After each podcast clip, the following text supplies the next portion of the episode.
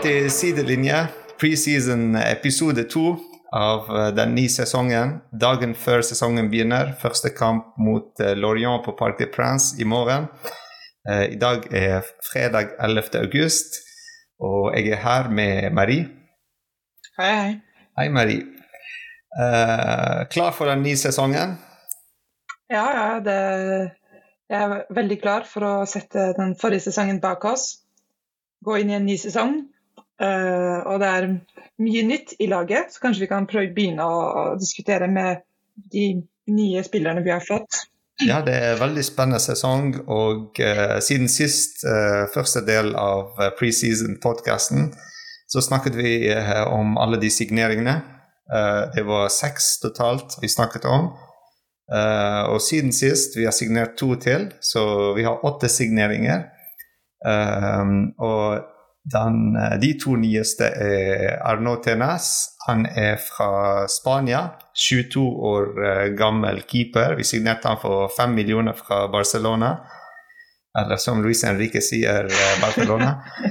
uh, og han, han kan vi si, ble formet i Barcelonas ungdomslag.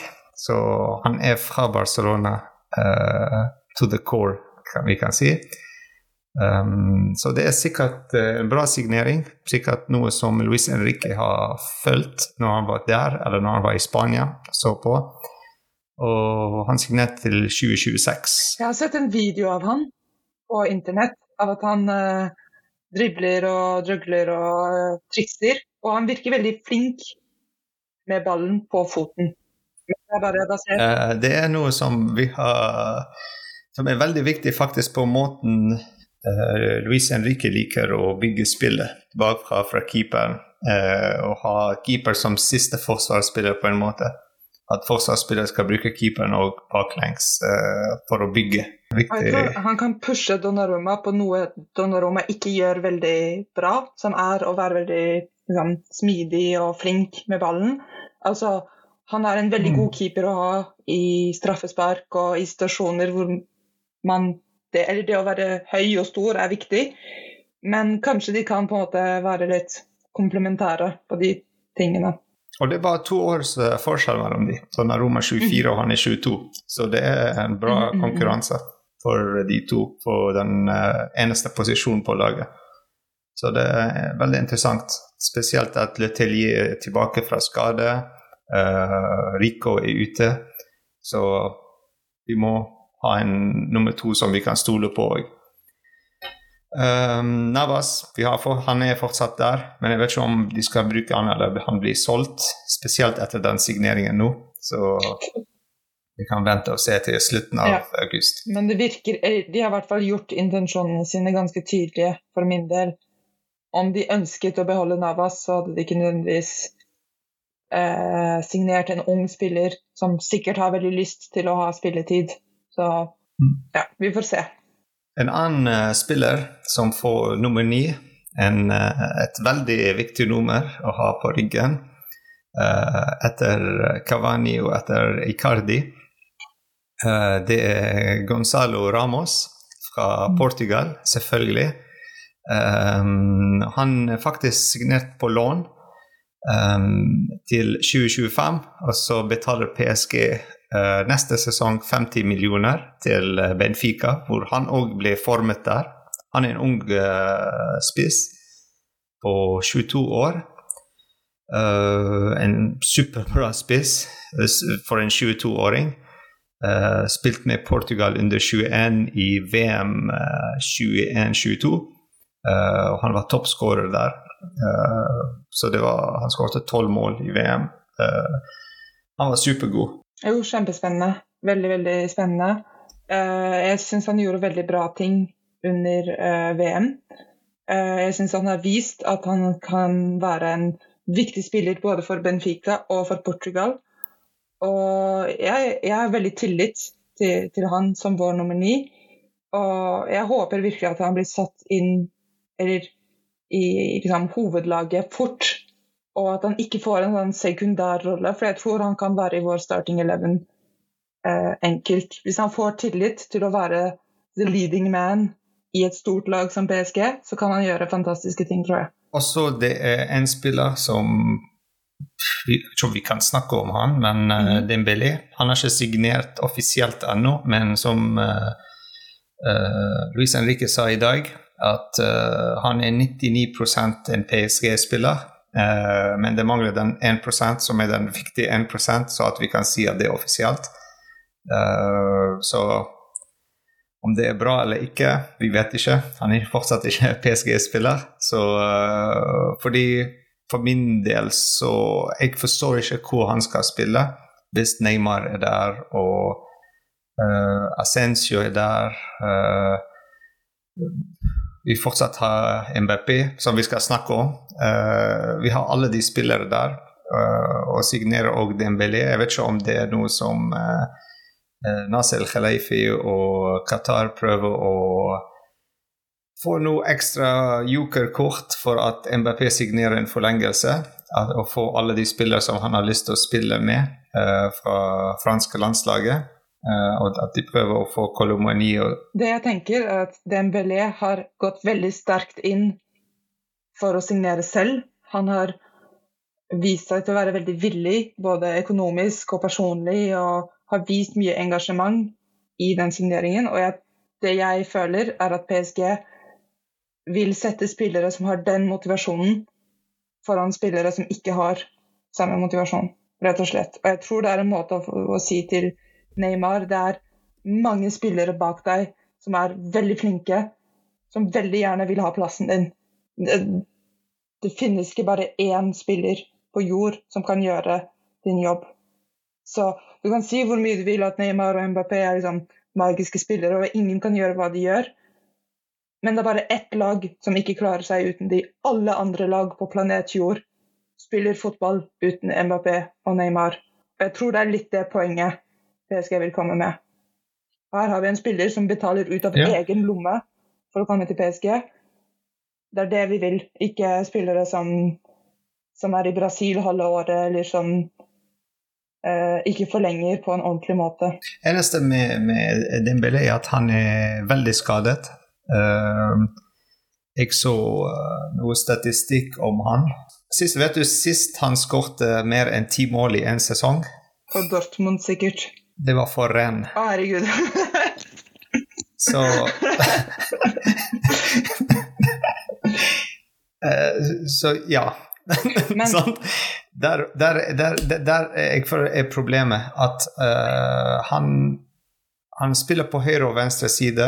Han er komfortabel på begge sidene. Selvfølgelig han er bedre på høyresiden. Han liker best å spille på høyresiden.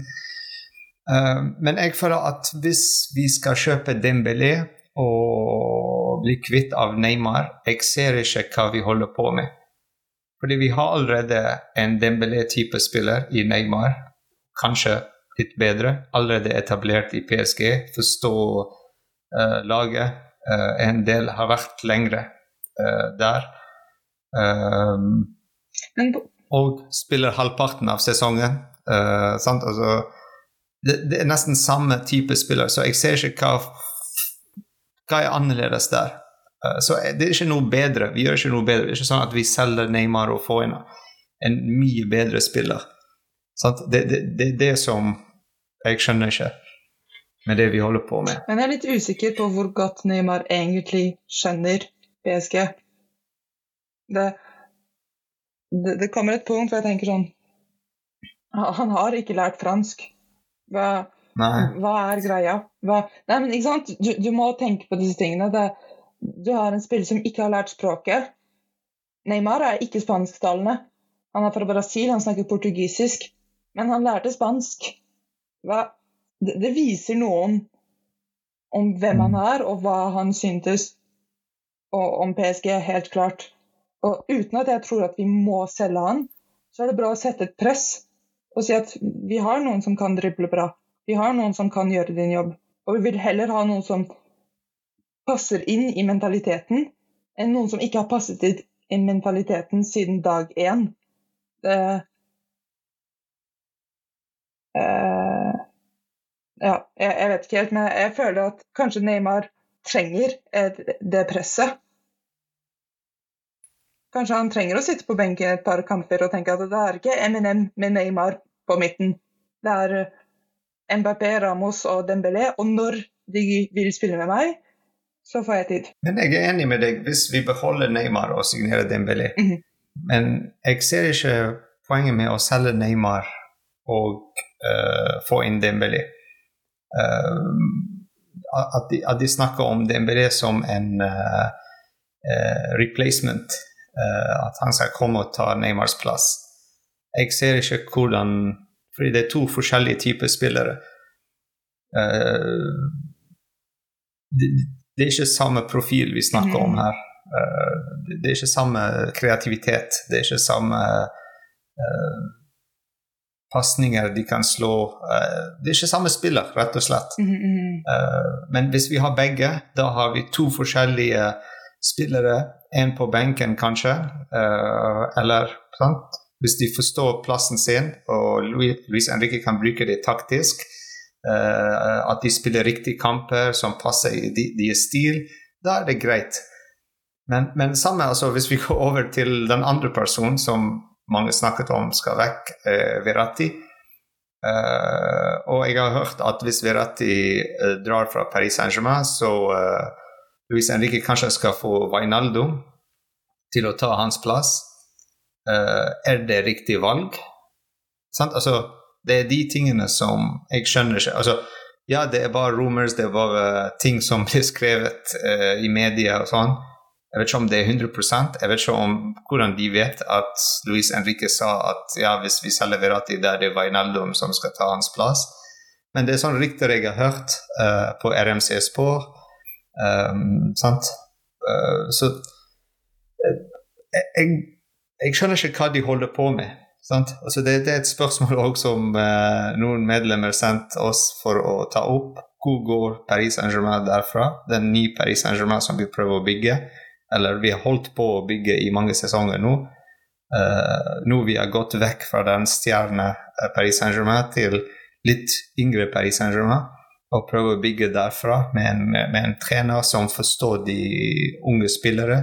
Forstår plassen til uh, Warren Zaire Emry f.eks. Vil bruke han på laget. Uh, er ikke redd å si f.eks. til Neymar nei, du må være på benken denne kampen. Vi trenger ikke din profil. Altså, men, men, men vi trenger òg noen som har vært på laget uh, litt lengre. Sant? F.eks. Marquinhos bak uh, midtbanen med Verratti. Eh, en av de sant, bak i En, en i hver uh, tredjedel av banen. Uh, fremme kanskje Neymar eller MBP. Sant? En av de som kan hjelpe uh, de nye unge spillere til å vokse rundt seg. Sant? Men, men jeg føler det er veldig viktig at før vi stiller spørsmålet hva er det vi trenger, altså, hvem fortjener å være på vårt lag? Jeg, jeg føler at vi er litt sånn Du vet sånn i et forhold hvor det er litt sånn Å, hvis du drar, så dør jeg. Så klart, da, da setter du deg selv i en veldig vulnerabel stilling. Du, du er sammen med en person som, eh, som har makten til å basically ende livet ditt. Og jeg føler det er det vi har gjort med noen av spillerne våre. Og det er viktig å si til Neymar dra. Vi bryr oss ikke. Verratti, dra. Marquinhos, dra. Mbappé, dra. Det, se mentaliteten Guardiola har med Manchester City nå. Alle drar. Det er så mange spillere som drar fra laget hans. Han har akkurat bevist at han kan gjøre basically alt. Men ikke mye, liksom, ikke mye snakk, ikke mye eh, press rundt det. Det er bare Nei, OK, hvis du ikke vil, så vil du ikke. Vi, vi- vi gidder ikke å forholde oss til liksom, spillere Mm. som vi må trygle. Oh, please, please, please, bli. Du får lov til å stå på taket. Nei, taket er for taking, og gulvet er for gulving. Stå på gulvet som alle andre. jeg er litt redd at f.eks. hvis vi selger Neymar som altså, La oss si MBP spiller ikke ett minutt neste sesong, og vi skal snakke om MBP. Men hvis han spiller ikke ett minutt neste sesong, eller han blir solgt Mhm. Så i begge situasjoner så vi har ikke en MBP på laget. Da nest best akkurat nå, i den posisjonen, er Neymar på Mhm. venstresiden. Sant? Som vi har det nå. Uh, hvis vi selger Neymar, så er det Kangin Lee, Mhm. som vi har nettopp signert, han er mer en midtbanespiller, sentral midtbanespiller. Så han vil ende opp på venstresiden. Sant? Ut av hans posisjon. Samme som vi har prøvd med Soler uh, i fjor. Å plassere han i alle posisjoner, men ikke i hans posisjon. Mhm. Hans favorittposisjon bak en eh, spiss, en nomini. Eh, da ender vi opp med folk utenfor posisjonen sin. Da blir vi misfornøyd med en ny spiller som er ung og ny på laget. Uh, samme som Soler i fjor. Uh, samme på høyresiden. Nå vi, vi har ikke Messi lenger, så nest best akkurat nå er Ascencio. Vi har ikke økt i kvalitet. Eh, vi har ikke gått opp i kvalitet i det hele tatt fra forrige sesong. Hvordan skal vi bygge det laget? Hvordan skal laget bygges? Sant? Vi har fått en spiss, greit, fantastisk. Det er snakk om Ekitike som kanskje blir solgt. Eh, da har vi ikke nummer to. Nei, nei, men Jeg ser absolutt poenget ditt, men jeg tror det er veldig viktig å tenke en, jeg, jeg tror veldig mye på faktum at det ikke er sunt å ha en sånn eh, savior-spiller. Sånn, du tenker sånn, Uansett hva som skjer, så skårer Mbappé. Nei. Du må skåre. Du må sette ditt spor på denne kampen. Jeg tror Soler har spilt mange kamper hvor han tenkte Mbappé, Neymar står foran meg. Hvor mye må jeg jobbe? Du må jobbe mye mer når du har litt dårligere spillere som står foran deg. Altså, det er dårligere lag enn oss som har gått lengre i Champions League. Det er sannheten. Det, det er dårligere lag enn oss som har spilt oss ut i ligaen. Renn er ikke Jeg vil si dårligere spillere, men ikke dårligere lag. Ikke dårligere Ja. eh, lag eh, Altså lagspill, eh, trener som forstår eh, laget sitt. Eh, men ja. Renn har ikke mer Ja. dybde i benken enn det vi har. De slo oss to ganger i fjor. ja. Det, det, det er ikke bare i det det, det ligger. Vi, vi klarte ikke å slå Benfica. Vi har mer dybde enn dem. Punktum. Men det er en ting vi har gjort de siste to sesonger, er at Paris Saint-Germain spilte bare 20 minutter hver kamp. Ja. Og hvis vi klarte å dominere første 20 minutter og skåre, da, da vant vi kampen. Uh, og det er noe som de spurte Luis Henrique i dag i pressekonferansen. Og han sa nei, med meg det skal være 90 minutter.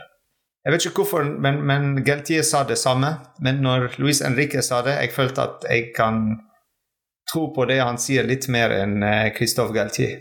For et eller annet grunn. Men ikke sant? Det er et eller annet med mentaliteten hans er annerledes. Og jeg tror, det ligger ikke bare i mentaliteten, men når du ser på de kampene med 20 minutter dominanse, så har du 20 minutter hvor Mbappé er rask nok. Og så har du 70 minutter hvor de andre har skjønt greia. Og da ser vi at vi har bare én ting som funker på laget vårt. Det er den ene tingen.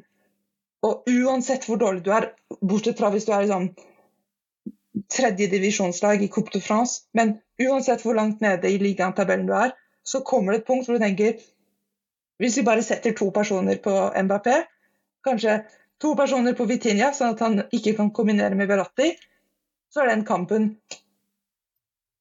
over. Og det tar ikke lang tid å observere disse tingene. Og jeg tror at Det handler ikke om å, være, liksom, å ha riktig mentalitet, det handler om å være smart nok og tenke vi må ha mer enn ett triks.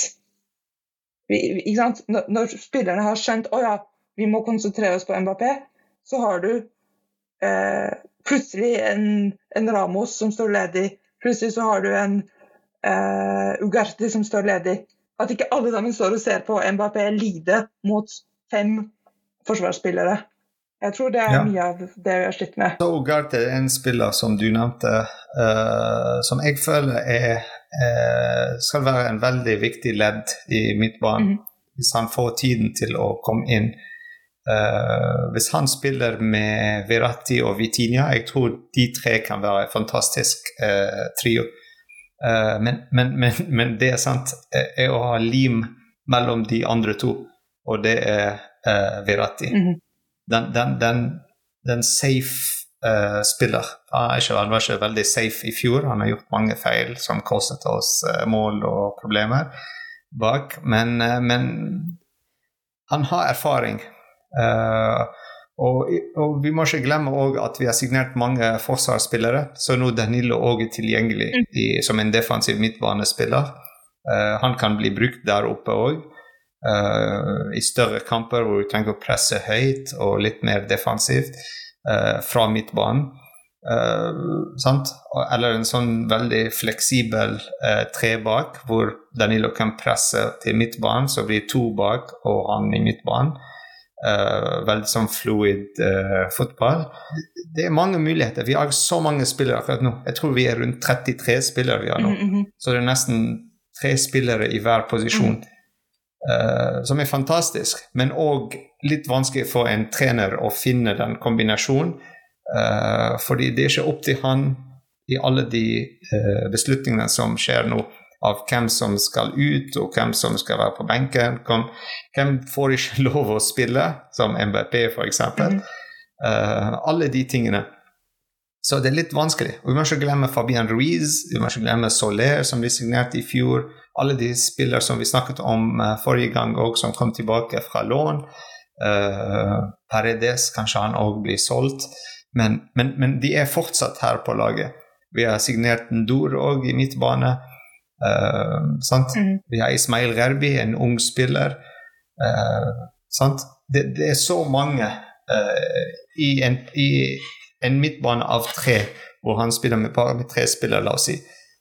Så vi har så mange som prøver å kjempe for den, de posisjonene der.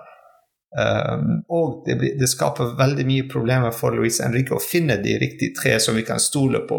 Samme som de store lag som du nevnte. sant? De har ikke sånne store navn, men de har tre faste spillere som spiller i midten, la oss si. Eller fire faste som spiller bak. Og veldig tydelig hvem første keeperen er. Veldig tydelig hvem de tre fremme er. Sant? Eh, da bygger du et lag. Det er sånn vi bygger et lag. Uh, ja, og det er det vi slet med litt under Pochettino, og vi slet litt under Galtier i andre halvdelen av uh, forrige sesong. Men, men jeg tror så... Galtier gjorde en feil, som jeg også gjorde, så jeg, dette er ikke bare en kritikk mot han, men at han tenkte at hvis vi har et bitte lite lag, så, liksom, så, kan vi liksom teste ut mange løsninger. Mm. Og på slutten av dagen så befant vi oss i en veldig desperat situasjon. Sånn Vi må ha Emry bakt på høyre side. Det ble helt sært. Og også så fant vi oss en situasjon hvor det var noen spillere som hadde fullmakt. Hva, hva kan du si til en spiller som det er bare han som kan spille i den stillingen? Han bestemmer. Mm. Hvis han ja. ikke gidder den kampen, så du, du, kan ikke bytte han ut, fordi du har ingen mm. andre å stille med. Jeg, jeg tror Nei, vi var veldig uheldige med de med, i forrige mm. sesong med skadene, spesielt på, som høyreback. Mm når Pembele var skadet, Mukiele var skadet og Ashraf Hakimi var skadet. Nei, og Ashraf Hakimi det... fikk rødt kort. Ja. Ikke sant? Og, og, at du ikke har noen makt mot en sånn spiller. Du, mm. du er liksom verdensklassespiller i den stillingen. Alle som kan erstatte deg, er skadet. Og for, for hva så får du et rødt kort? Men du kan ikke si noe, for vi har ingen andre å stille opp med. Så Men uh, hvis vi skal uh, oppsummere Neymar og Verrattis situasjon uh, Hvis du er Luis Henrique, hva vil du si til Nasir Khalifi? Neymar, behold han, eller selg han? Jeg, jeg tror jeg ville lagt avgjørelsen i deres hender. Hvis de vil dra, så må de dra. Hvis de ikke vil dra, så har de et plass på dette laget en plass på dette laget. Det er helt klart. Virati er god nok for PSG. Neymar er god nok for PSG. Men hvis de ikke vil, så, så må de finne eh, lykken sin et annet sted. For deres del og vår del. Det Men jeg forstår ikke Hvem sier at de vil ikke? Altså, vi bare hører det på Instagram og Twitter. Og, har de sagt det? Har spillere sagt 'jeg vil ikke spille for PSG'? Absolutt ikke. Men jeg sier at hvis jeg satt foran Neymar nå, så hadde jeg sagt 'gjør som du vil'. Og hvis du vil bli i PSG, så tror jeg deg. Det ikke sånn Jeg tror ikke nødvendigvis han vil dra, men jeg syns ikke PSG burde sette seg i en sånn trygleposisjon sånn vær så, vær, så, vær så snill, du får et nytt hus og tre nye biler. Nei. Bli mm. eller ikke bli. Gjør som du vil, rett og slett. Ja. Hvis du sier at du har insider store som et Ferrati egentlig virkelig har lyst til å bli, så er det ikke noe jeg blir overrasket over. Men jeg håper det er han jeg som bestemmer. Jeg føler Verratti er litt skuffet over ting, hvordan ting skjedde mm. med Messi og MBP og Neymar. Hvordan, altså, hva som blir skrevet i media og alt dette om de, og hvordan uh, de blir behandlet. Uh, hvordan alle spillere som kommer til PSG og drar, de drar sånn fra bakdøren, og ikke sånn med en stor fest eller sånn takker de for karrieren sin. og Samme som Di Maria, f.eks. Det var en fantastisk avslutning for karrieren sin i PSG. Uh, altså, det, det, det, er ikke alle som får den. Det er alltid sånn et eller annet som skjer veldig negativt, og så går de ut. Men se mentaliteten til Di Maria. I en transfer window hvor alle har dratt til Saudi-Arabia, så drar Di Maria til Benfica. Se hvordan han mm. ikke er som alle andre. Det er så logisk at Messi ikke fikk det Di Maria fikk. Det er så logisk og så rettferdig. Det, det, det er ikke fordi eh, verden er ondskapsfull mot PSG-spillere. Verden gir dem mange millioner i lønn og alt de vil ha, bortsett fra positive headlines i avisen. Det, det, er bare så mye jeg kan gråte for den situasjonen. Vi, vi, har vist som en klubb at når det er riktig å gjøre ting på riktig måte, så gjør vi det. Ikke sant? Di Maria viste seg å være ganske vrang med f.eks. Hakimi, men vi, vi, kom oss over den og, og viste at du er en legende i denne klubben. Og vi ser at du er en spiller som verdsetter disse tingene. Ikke Messi. Du fikk lønnen, det får holde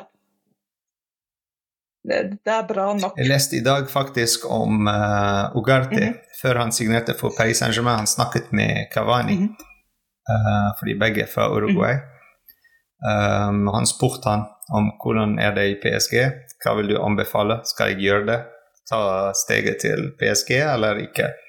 Og Cavani hadde bare fantastisk positive ord om uh, klubben, om byen, om kulturen, om fans.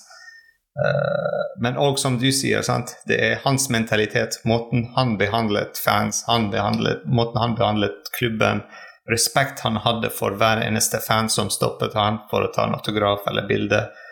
Uh, han var en skikkelig gentleman, så han fikk det tilbake. Så jeg håper han ga litt tips òg til Ugarte, mm. og blir òg en sånn uh, spiller. Jeg har stor håp for Ugarte. Mm. Jeg har sett så mange videoer siden sist om han. og jeg må si uh, han og Vitinia i midtbanen kan bli en uh, fantastisk duo. Mm. Så ja. Kanskje vi ser Soler som tredje mann der, som plutselig er the man. Mm. Jeg, jeg, tror det er veldig viktig at mentaliteten i PSG nå er ikke være sånn å ja, men hvis vi ikke vinner, så er det fordi vi har egoistiske spillere. Nei, Soler, vi vinner ikke fordi du er dritt. Punktum. That's it. Det, det, det, er ikke to måter å si det på. Det er ikke fordi Mbappé ikke sendte pasningen til Neymar. Nei, vi spilte dårlig. Og når vi spiller dårlig, så taper vi. Punktum. Og det er et eller annet med forventninger uh, for denne sesongen. Jeg tror hvis vi setter forventninger veldig høyt opp og sier denne sesongen vi skal vinne Champions League og vinne Coupe de France og vinne ligaen og vinne alt, da kanskje vi kommer til å bli skuffet denne sesongen. Jeg tror vi må være litt mer uh, Ikke realistisk, men litt mer uh, Eller forstå litt at vi er i sånn uh, en, en, ny oppdateringsfase. En ny um, Hva vil jeg si buffertid. at vi må vente. Gi alle tid til å bli en del av klubben mer og mer, og bygge på den. Fordi mange er 22 år og har kontrakter veldig lenge. Og jeg håper treneren òg, selv om han har signert til to år, at han òg holder seg litt lengre enn to år, selv om vi vinner ikke så mye ting i de to årene. Men at vi beholder den uh, treneren. For å ha, sånn, etablere en sånn mentalitet, etablere et språk, et, et fotballspråk som blir definert som PSGs måte å spille. Og det er det vi savnet under mange trenere før det. Mhm.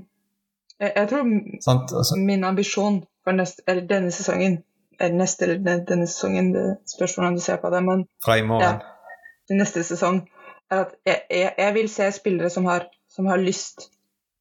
Tap, OK. Men jeg, eller, jeg så en dokumentar om, om VM 2014 og om det franske laget i det, det VM-et, og de sa at å se fotballspillere, franske fotballspillere gråte fordi de tapte i det var kvartefinal, kvartedelsfinale eller åttendedels, ikke veldig bra, gjorde at det franske publikummet og det franske laget kom sammen igjen etter et veldig en veldig komplisert periode. Og jeg tror det er det vi trenger å se. Ikke bare sånn shrug it off når du taper i åttendedelsfinale. Hvis du taper, OK, men løp til siste minutt og gråt når, når, når vi taper. Vis at det betyr noe. Jeg tror det er viktig at vi har et lag som virkelig bryr seg. Tap eller vinn. Og det blir mest sannsynlig tap, men ikke noe mer sånn «Å, går ikke og sier hei til publikum. Nei. Mm. Men eh, skal vi ta the elephant in the room? Vi har sakte, men sikkert gått rundt Mbappé i, i nå 30 minutter. Det er derfor vi må, måtte puste inn og ut før vi går inn der. Men eh, ja, skal vi snakke om uh, Kylian Mbappé? Ja.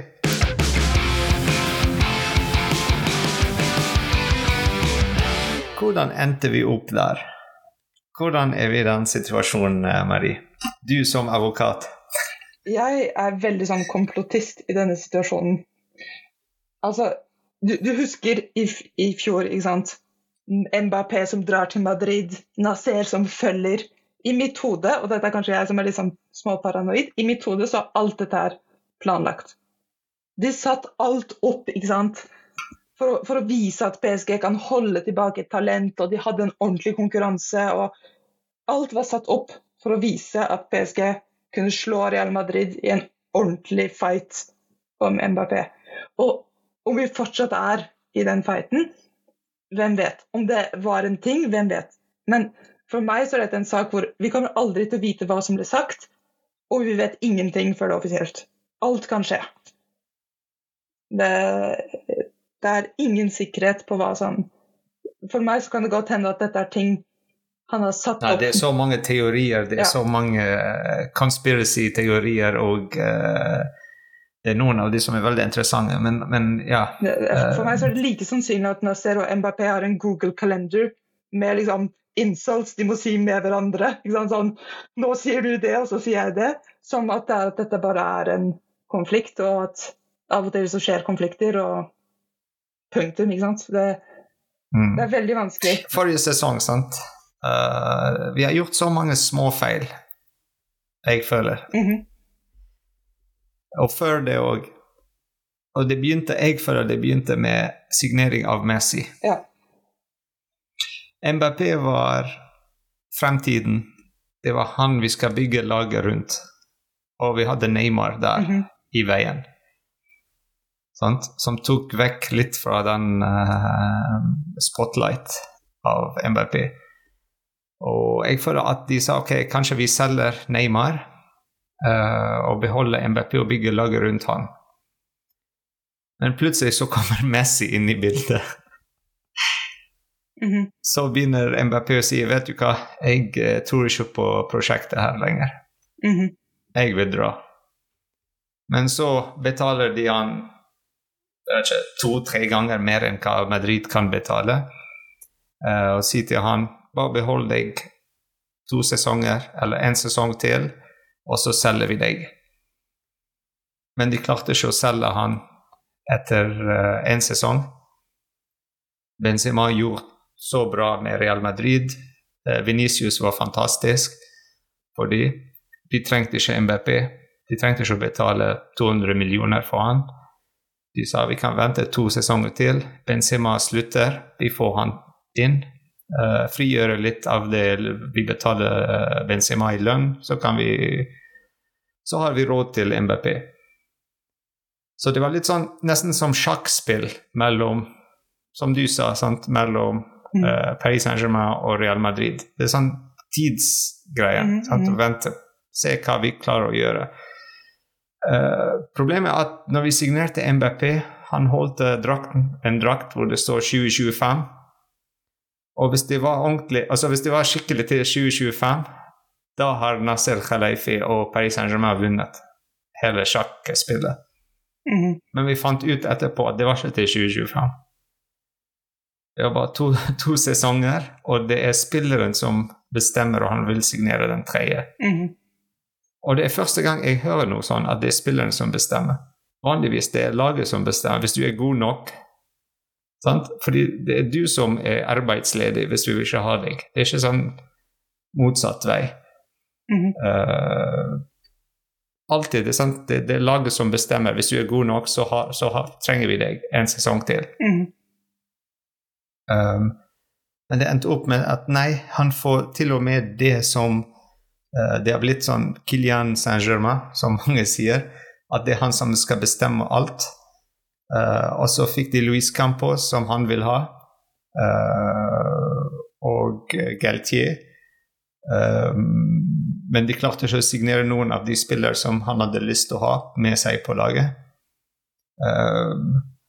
Og Dembélé var gratis forrige sesong, før han forlenget med Barcelona. Mhm. Så vi kunne ha signert han forrige sesong, men nei, vi hadde Messi i veien. Sant? Altså, I samme posisjon. Eh, så, så, altså, det, var, det var mye sånn rot siste sesong. Mm -hmm. Um, og vi endte opp med, med altså, Vi endte opp nå her, hvor MBP uh, best, nesten har kontroll over laget. Jeg, jeg, jeg tror det er veldig viktig å huske at han egentlig ikke har kontroll over laget. Eh, Du kan si Hvis du ser på hvor mye lønn han Ja, ja, tjener men- og så hvor mye, Hvis dette er en sånn spending competition, lykke til med å slå Qatar. Det, det kommer et Ja. punkt hvor du må tenke Hvis de virkelig er så dumme de skal være Hvis det bare er Hvem kan kaste mer penger på dette problemet? Hvis han ikke spiller i en Ja. sesong, hvem vil ha han? Problemet, problemet for fanklubben vår det blir, det blir ikke så mye giveaways. da. Vi får ikke så mye i, Alt blir brukt på Kylian Mbappé. ikke sant? Se en spiller som, som Hazard. Ikke sant? Han har ikke spilt på mange sesonger. Ingen vil ha han. Hvem kommer til å ville kjøpe Mbappé etter en sesong på benken? Dette er et virkelig Nei, problem. come on. Mbappé er Mbappé. Nei, men det er et problem for han. Tenk deg, du er, ikke sant? du er Real Madrid, du har Venitius, du har Rodrigo. Du har mange gode spillere. Og så har du han Mm. supersure franskmannen som satt på benken i et år. Med den lønnen. Det er noen som vil signere han. Men jeg tror ikke Real Madrid nødvendigvis står på den listen. De har takket nei mange ganger før. Så jeg tror ikke én sesong med liksom pommes frites og oppfighting er det Mbappé trenger. Men eh, de klarte å signere eh, Bellingham. Eh, Og eh, forrige sesong, når vi eh, trengte Camavinga i midtbanen, så klarte Real Madrid å vinne den og signere den. Eh, fordi vi, vi var veldig opptatt av å signere store navn. og Chouameni, Camavinga, Bellingham. Sant? Også nå det er rykter at Colomani kanskje blir mm -hmm. Real Madrid-spiller. Eh, altså, det er der, sant? Er det Real Madrid prøver å bygge et lag rundt Kylian Mbappé for å komme som en nummer ni? Kanskje neste sesong, men, men med Colomani, med Venicius, med Belling? Altså, Prøve å bygge et lag hvor han skal passe inn. Uh, eller PSG prøver òg med å signere Dembélé og kanskje Colomani. Uh, signere nummer ni som Kylian Mbappé hadde lyst på. Det er en sånn conspiracy òg at uh, PSG prøver alt nå. Og signere alle de spillere som Mbappé har lyst til å ha på laget. Alle de unge talentene og eh, posisjoner som han hadde lyst fra forrige sesong. Men jeg tror det er veldig viktig å huske at Mbappé er i en dårlig situasjon. Det er bare så mange sesonger du kan være på the loft før den karrieren du hadde tenkt å bygge, blir en spøk, ikke sant? Mm. Problemet er at det ikke er lov å ha loft lenger etter eh, 31. august. Alle må trene sammen. Ja, ja, men ikke sant? The loft is the loft. Ingen bestemmer hvem du kan benke. En mental loft. Men sånn, ikke sant? Du kan si hvor mye du vil at ja, men de må trene sammen. Men du blir ikke signert av Real Madrid fordi du trener med hovedlaget. Du blir signert på Real Madrid fordi du spiller med hovedlaget. Det er bare å spørre Martin Ødegaard. ikke sant? Han trente med Real Madrid A-laget. Han, han, var fem år i, i, mindre lag før han kom seg inn i Arsenal etterpå. Mm. Det du, du, må, du, må, ha litt uh, guts for å, for å gå den veien. Hvis du var MBP? Jeg hadde signert. Jeg hadde signert forever. Punktum. Ja, jeg vil ha statuer og kjærlighet for alltid. Og det er det han kommer til å få hvis han blir for alltid. Det er Jeg tror ikke det. Jeg tror han har mistet litt av uh, den Nei, men... uh, etter to sesonger med sånn stress for alle. Mm -hmm. Men det er, det er, det jeg ville gjort i hans stilling. Jeg tenkte Ja, men eneste han kan fikse den, er å vinne Champions League med, med Paris Saint-Germain, tror jeg. Men når du ser på de legendene vi liker å elske, ingen av dem har vunnet Champions League. Men fortsatt mm. så betyr det noe. Ja, ikke sant? det er sant. Tenk på Eusebio i Portugal. Han vant ingenting. Figo han skårte mm. et mål i VM for Portugal. Ikke bare vant han ikke, men han skårte aldri ever. Det, det er ikke så enkelt. Ja. ja. altså, du ser på andre legender sant? i Paris Saint-Germain. Du ser på Tiago Motta, f.eks. Mm -hmm. uh, han har ikke spilt lenge uh, i Paris Saint-Germain, men når han spilte, så han var fantastisk og lojal og alt. Uh, gjorde alt for laget. Um, alle de spillere. Uh, Matuidi, sant? han var ikke formet i Paris Saint-Germain, men han kom til Paris Saint-Germain og ga alt uh, for laget. Um, og når han dro fra Paris Saint-Germain vi, vi, vi, vi, har følt at vi har tapt en stor spiller der. Selv om han var ikke sånn toppkvalitet midtbanespiller. Mm -hmm. Altså, det er lett å bare finne en annen spiller. Det er mange navn som kom etter han, som på, te, i teorien var bedre. F.eks. Vainaldo på papir er en bedre spiller enn Matuidi, mm -hmm. men klarte ikke det. Klarte ikke å levere. Klarte ikke å være en del av Paris Saint-Germains kultur, Paris Saint-Germains DNA. Uh, eh, så det, det, er et eller annet med noen spillere som passer inn, og andre som klarer ikke det. Um, jeg føler Verratti var en av de. Mm -hmm. Han var en Paris Han er en Paris Saint-Germain-spiller. Mm -hmm.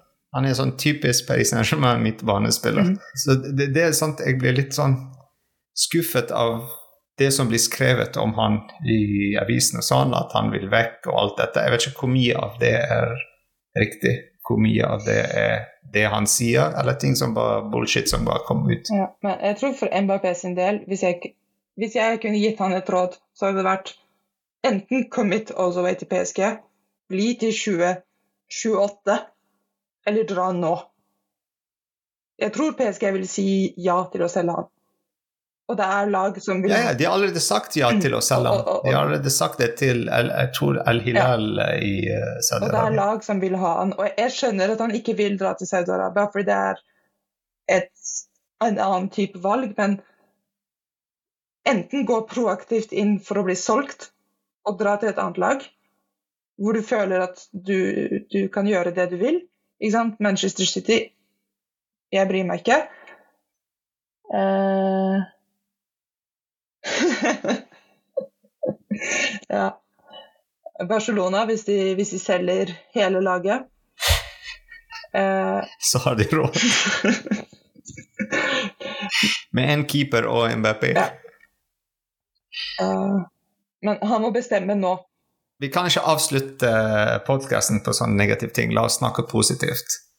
Uh, den nye sesongen, uh, ser du den som en ny PSG? En PSG, la oss si 3,0? En ny versjon PSG? Eller en 2,5,1 uh, oppdatering av det som var bygget fra siden Tuchel forlot oss? Jeg har en litt spesiell teori. At, eller det jeg håper, i hvert fall. Er at vi ser en PSG 1,0. At vi ser den PSG-en som var og Ikke for å si at QSI var en veldig dårlig ting, men at vi ser PSG-en fra før QSI. En PSG som ikke er så flink, som har mange litt dårligere spillere, og som sliter litt, og, men som virkelig setter alt de har, inn i alle kamper. Og så håper vi at på en måte pengene vi har, tillater oss å på en måte kjøpe inn talent on top of that. Men vi må begynne på begynnelsen. For en gangs skyld. Ikke farlig om vi ikke vinner noen trofeer. Det skjer med mange klubber. Men vi må krasje ut av de med virkelig blodsmak i munnen. Sånn, hva skjedde i Coupe de France i forrige sesong? Vi gadd ikke. Hva skjedde i Champions League? Vi gadd ikke. Det Jeg er helt enig med deg. Uh, vi har navnene faktisk til å kunne uh, være i Champions League hver sesong uh, fremover neste fem år. Hvis vi beholder de spillene vi har nå. Uh, de unge spillere vi har signert, og noen av de gamle. men altså, det du sier er riktig. Mentaliteten er superbra, positiv, og det er det alle PSG-fans vil ha. Men timingen, jeg føler timingen av hva fotball er nå, er veldig vanskelig for å få den mentaliteten til, til å funke. Uh, du har f.eks. Zair Emry som sier at han har lyst til å spille hele karrieren sin i Paris Saint-Germain. Det er ikke mange spillere som han. Mm. Sant? Uh, f.eks. Fofana. Var, han er fra Paris, Paris, og det er mange som har uh, så Paris, mange snakket at Paris Saint-Germain kommer til å signere han denne sesongen og alt. Han er jeg vet ikke hvor gammel han er, 26-27. Mm. Uh, kaptein av Lance. Endte opp med å signere et lag i Saudi-Arabia.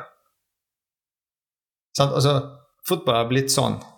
Det er ikke lenger uh, um, lag først. Altså, det er ikke mange av de spillere som Cavani, det er ikke så mange spillere som eh, Pauletta eh, de spillere som, som, tenker laget først. Eh, Rai, sant? som gir alt for laget sitt. Uh, Bernard Lemain. altså, de navnene. det er ikke mange av de lenger. Altså, fotball har blitt sånn jeg må, Hvis jeg klarer i to år få milliarder for å fikse hele familien min, for at ingen i familien min skal jobbe neste 10-20 år Why not? Altså, det, det, er sånn det har blitt. Det, det, har alltid Eller for min del så har fotball alltid vært sånn. Men Nei, ikke med de store navnene. Altså de, de som De spillere som, som blir legender. Men, men husker du Paulinho? Som du sier, f.eks. Francesco Totti. Han har ikke vunnet så mange titler, han har ikke gjort mye, men han har blitt en sånn en ikon. Han har blitt Når du sier Roma, første bildet du ser, er Totti. Hvis du går på, på Romas webside for å kjøpe drakter, du fortsatt kan kjøpe Totti-drakter. Og han har ikke spilt fotball i fem-seks år, syv år nå. Sånn, altså, han har blitt, stor, han har blitt en, et merke innenfor uh, laget. Sant? Han har blitt laget. Det er sånne spillere vi har lyst til å ha. Legender, sant? navn. Men, men jeg tror det er mange spillere Sånn type Paulinho. Du vet alle de som dro til Kina for ti år siden? Når Kina var liksom the place to be. Lavetzi. Ikke sant? Vi glemte de alle. Og, og det er liksom, jeg, jeg, tror det er veldig viktig å tenke at vi tror at fotball var så sykt legendarisk før, fordi vi husker bare legendene. De som dro til Kina, har vi glemt. Hvem kan si hvor Paulinho er i dag? to som dro til Usbekistan eller gud vet hvilken liga. Hvem vet, ikke sant? Ingen bryr seg lenger. Halvparten av lagene har sikkert gått konk siden den dag. Og jeg tror det er veldig viktig å huske at Det er som folk som sier at ja, musikk var så mye bedre før enn det er i dag. Det er fordi vi har glemt alle de dårlige artistene fra før. 70-tallet hadde plenty med dårlige fotballspillere og dårlige artister og, og, og dårlig mange ting. Vi bare Det gikk i glemmeboken. Og jeg tror mentaliteten vi må ha i PSG, er Glemmeboken er den veien, og det er mye penger å få ut av det, men hva vil dere i dette laget? Og hvis dere vil bli husket, så må vi gjennom en liten smertefull periode. Og jeg er helt klar for at vi vinner null trofeer neste sesong. Det er noe jeg er veldig mentalt liksom, forberedt på. Som du vet, vi alltid sier det mellom oss. Uh, vi trenger spillere som uh, Moilu Meyo. Ja. Og det er det vi ja. Uh, folk som blør for drakten, mm. la oss si. Eh, krigere. Uh, spillere som Kim Pembe, Verratti for et par sesonger tilbake, Kavani. det er sånne spillere. Pastori.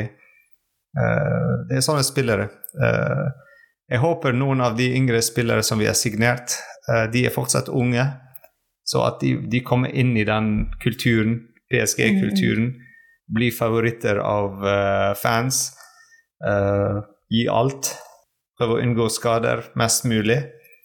Uh, fordi mange av de nye spillere vi har signert, som er, har mange skader og sånn. Men ja, fra før. Men ja, på en positiv ting så sesongen begynner i morgen. Første kamp er mot Lorient. Mm et lag som uh, sist uh, Siste kamp vi spilte mot dem, var 3. april uh, i år. Og vi tapte mot dem 1-3. Og det var på Parc de Prince. Så Luis Henrique var veldig klar over at uh, Lorient er en litt vanskelig lag å spille mot. Men jeg tror denne gangen det blir litt annerledes. Vi har forsterket litt laget vårt. ny trener. Han skal sånn Nesten som refresh-knapp. Begynn på nytt. Glem alt som har skjedd uh, forrige gang når vi spilte mot dem, og prøv på nytt. Så jeg ser en sånn positiv resultat i morgen. Jeg håper det blir uh, en seier. Det jeg håper, er at det ikke er som hver sesong. At det ikke er en sånn Vi starter med 3-5-0-seiere og tenker ja, this is it, og så slutt. La det være det PSG er i dag. En vanskelig, litt tung 1-0-seier.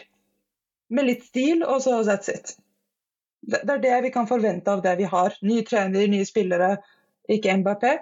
Det kommer til å være vanskelig, men vi har det i oss å vinne denne kampen. Definitivt. Så let the pain begin, sier jeg. det er alltid pain for PSG-supportere, men uh, det er det vi liker med laget. Altså, Lorient har signert en uh, spiss, en norsk uh, spiss fra Bodø-Glimt. Joel Vuga. Det er ikke Haaland som tar en ny challenge? så ja, han er høyre ving. så blir det interessant å se om han spiller. Mhm. Og jeg tror største signering for de Uh, denne sesongen var fra Manchester City. De har signert uh, Benjamin Mendy, uh, en stor spiller, som venstreback. 29 år, fransk landslagsspiller før. han er god. -hmm. Så de har forsterket litt laget sitt. Så det blir en veldig interessant kamp i morgen. Veldig interessant kamp, spesielt etter en preseason som var litt sånn selv om det er en preseason, men vi har ikke dominert den. Selv om vi spilte mot litt mindre lag. Men, men, samtidig, når du ser tilbake på forrige sesonger Hvem kan se på forrige sesong og tenke jo, vi tapte Champions League, men husk, vi vant mot uh, Kawasakis Motorsauce, eller whatever det er de heter. ikke sant? Ingen bryr seg, tap eller vinn. Sånn. OK, vi tapte. Hvis vi vinner noe viktigere, så, er det alt som kommer til å bety noe. Fordi mm. Når vi taper de viktige tingene, så er det ingen som kan ta fram ikke sant? Ja, vi slo uh, et saudisk lag. Ingen bryr seg. Det, det, husker du det frisparket Neymar skåret i preseason? Nei. Uansett hvor fint det var. Det, men jeg vet ikke om du så siste kamp vi spilte mot uh, Jeobung Hyundai i Sør-Korea. Så ikke kampen der. Hvor Mbapp eh, Neymar fantastisk, et fantastisk mål, og to mål, mm. faktisk. Og spilte en veldig bra kamp. Han var banens beste. Og det er hans første kamp etter uh, lang tid med skade. Mm. Um, og det, det som Selv om han var supergod og alt, Men det er det som jeg var litt redd og skuffet over. At den spilleren som var ute i nesten fem måneder, kom inn i hans første kamp, han i banens beste. Og alle de andre som har vært der og trent og spilt og alt, de var, de var ikke så gode, for å si det sånn. Mm, mm. Og det er mot et lag som er jeg vet ikke, tredje divisjon eller noe sånt. Så det er ikke sånn topplag vi spilte mot heller.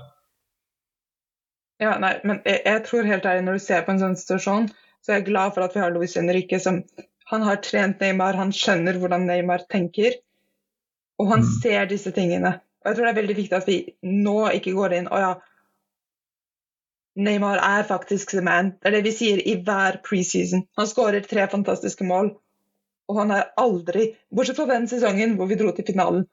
Da kan vi si med hånd på hjertet at Neymar var the man of the season. Punktum. Han Og første halvdel av forrige ja. sesong.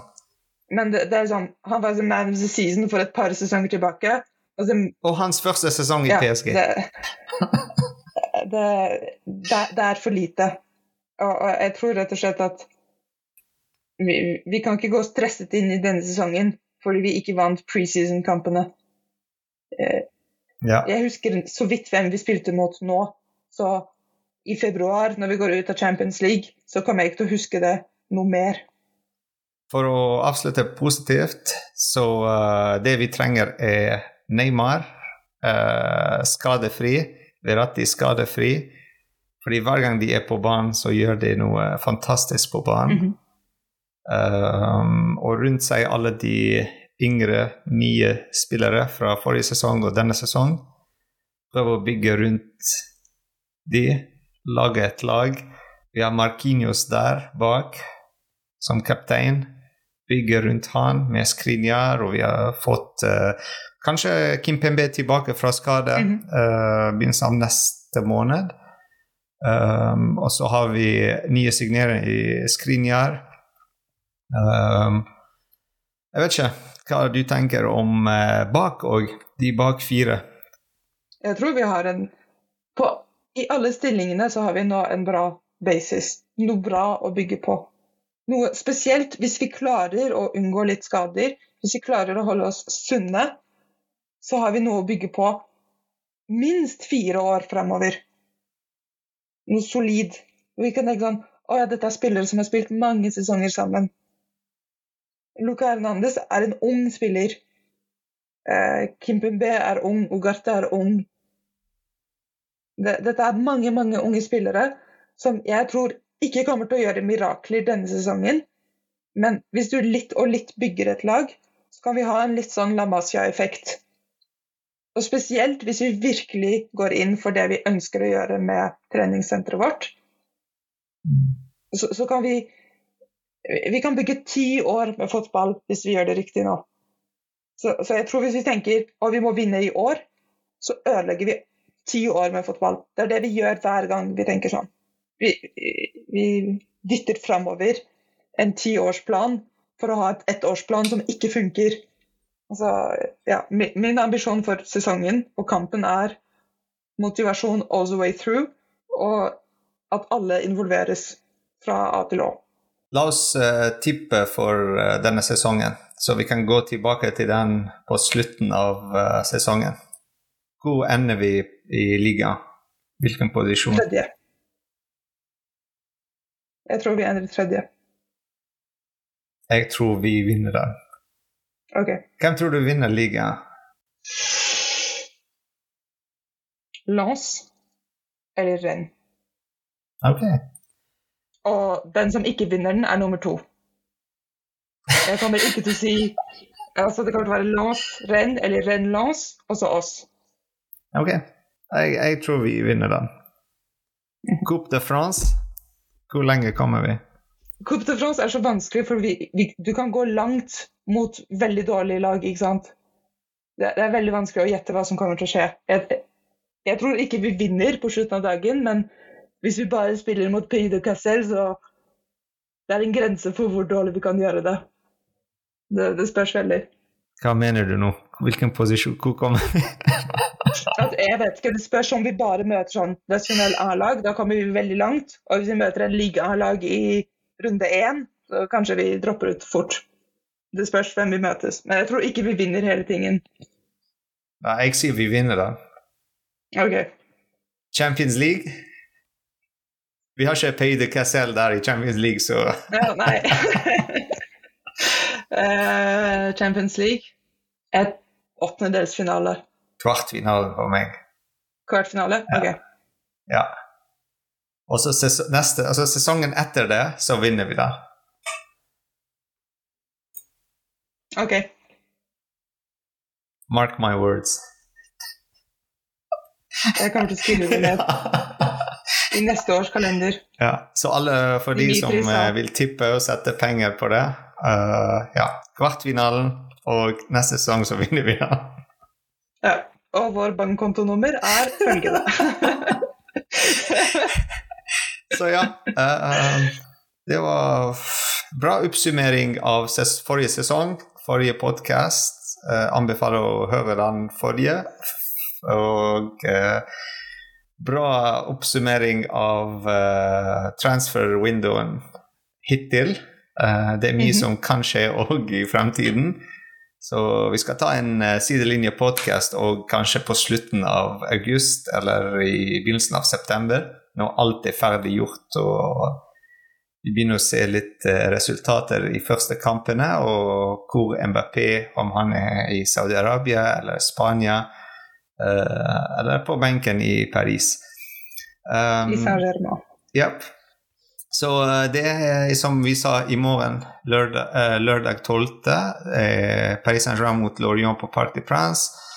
Og denne måneden så spiller vi mot Toulouse og borte, og Lens, som eh, Marie tippet skal vinne ligaen. Eh, Eller renn. eller renn. Uh, så ja, det er litt uh, vanskelig første seks kamper faktisk for Paris. Ikke vanskelig, men litt, uh, litt challenging eh, første seks kamper, jeg vil si. Mot eh, Lorient, Toulouse, Lens, Lyon, Nice og Marseille. Så det er litt uh, gøy begynnelse av uh, sesongen. Litt vanskelig for Luis Henrique å komme i gang, men uh, jeg tror vi klarer det. Og hvis vi klarer de første seks kamper med seks seire, så er vi i gang. Det er veldig viktig å sette opp den tempoen. Og så trekning av eh, Champions League, jeg tror det er 31. august. Eh, så det òg er spennende. eh, rett etter landskampen. Eh, så det er interessant å se hvem vi kommer mot. Eh, ja, da ses vi i morgen, Marie, for en podkast òg etter kampen. Ja. Og så klart, hvis du ikke er medlem enda, så kan du bli det veldig enkelt. Så meld deg på, forny medlemskap, og bli med på, på eventyret. Jeg tror vi har gjort vår, vår melding veldig tydelig. Vi liker lojale mennesker, så vær en av de. Yep. Det hadde vært veldig hyggelig. Også ta kontakt med oss på Twitter og Instagram. Uh, vi har lyst til å høre litt fra dere hva dere tenker, og om dere har spørsmål eller har lyst til å være med på podkasten, eller har noen tanker om uh, sponsorship eller gjøre ting sammen og komme opp med prosjekter sammen. Det er kjempegøy. Altså, vi allerede er i dialog med PSG for å arrangere en uh, liten tur uh, for å se en kamp òg neste, neste år. Denne sesongen, neste år. Um, det er snakk om en bortekamp. Vi skal finne dato og alt. Uh, og det er bare å følge oss på sosiale medier og på websiden vår, så oppdaterer vi dere. Men uh, det er ting som skjer. Um, som alltid, takk, Marie. Um, Takk, takk. at du er med på den podkasten. Og la oss håpe på en eh, bedre sesong enn eh, du forventer. Um, så Jeg liker at du setter grensen veldig lavt, så uansett hva som skjer, så du er fornøyd. Ja, jeg håper det ikke blir en sånn uh, du vet Malcolm in the Middle-situasjon. Jeg forventet ingenting, men ble sykt skuffet likevel. Nei, nei, det blir ikke sånn. Eh, det, det er alltid håp. Det er det som er kult med. PSG og Paris Saint-Germain. Vi, vi tåler mye, uh, og vi aksepterer laget vårt som det er. Uh, vi går gjennom mye, men til slutt så er det alltid noe kult som kommer ut av den. Uh? Vi mister MBP, men vi får Dembélé. Ja. Dette er som et dysfunksjonelt ekteskap. Eller ikke bare det, vi får. Dembélé, men vi har MBP på benken. Det er ikke mange lag som kan si det. Dembélé på sykehuset og MVP på benken. Sykt bra lag! Sykt bra. Det er alt talentet vi har. Og vi trenger ikke engang å bruke det. Altså, hvis det er noen psykologer der ute som hører på oss, vi trenger dere å, å joine, joine Ja. fanklubben for å hjelpe oss. Alle PSG-fans PSG-fans trenger psykologer for å gå gjennom hele sesongen. 10% rabatt for fullkvalifiserte psykologer. Ja, ja. Dere Det kan være kult, faktisk. ja, definitivt. Yes, men eh, nok en, en gang til, så takk. Og ici c'est Paris. Accélération de Ronaldinho, Jérôme Leroy, Ronaldinho qui va essayer de passer, il a éliminé Kwasi, Ronaldinho toujours à l'entrée de la surface, Ronaldinho Oh, c'est encore Oh c'est beau Quel but exceptionnel réussi là par le Brésilien champion du monde du Paris Saint-Germain, Ronaldinho 1-0 pour le PSG, ça n'est pas du talent collectif là, c'est vraiment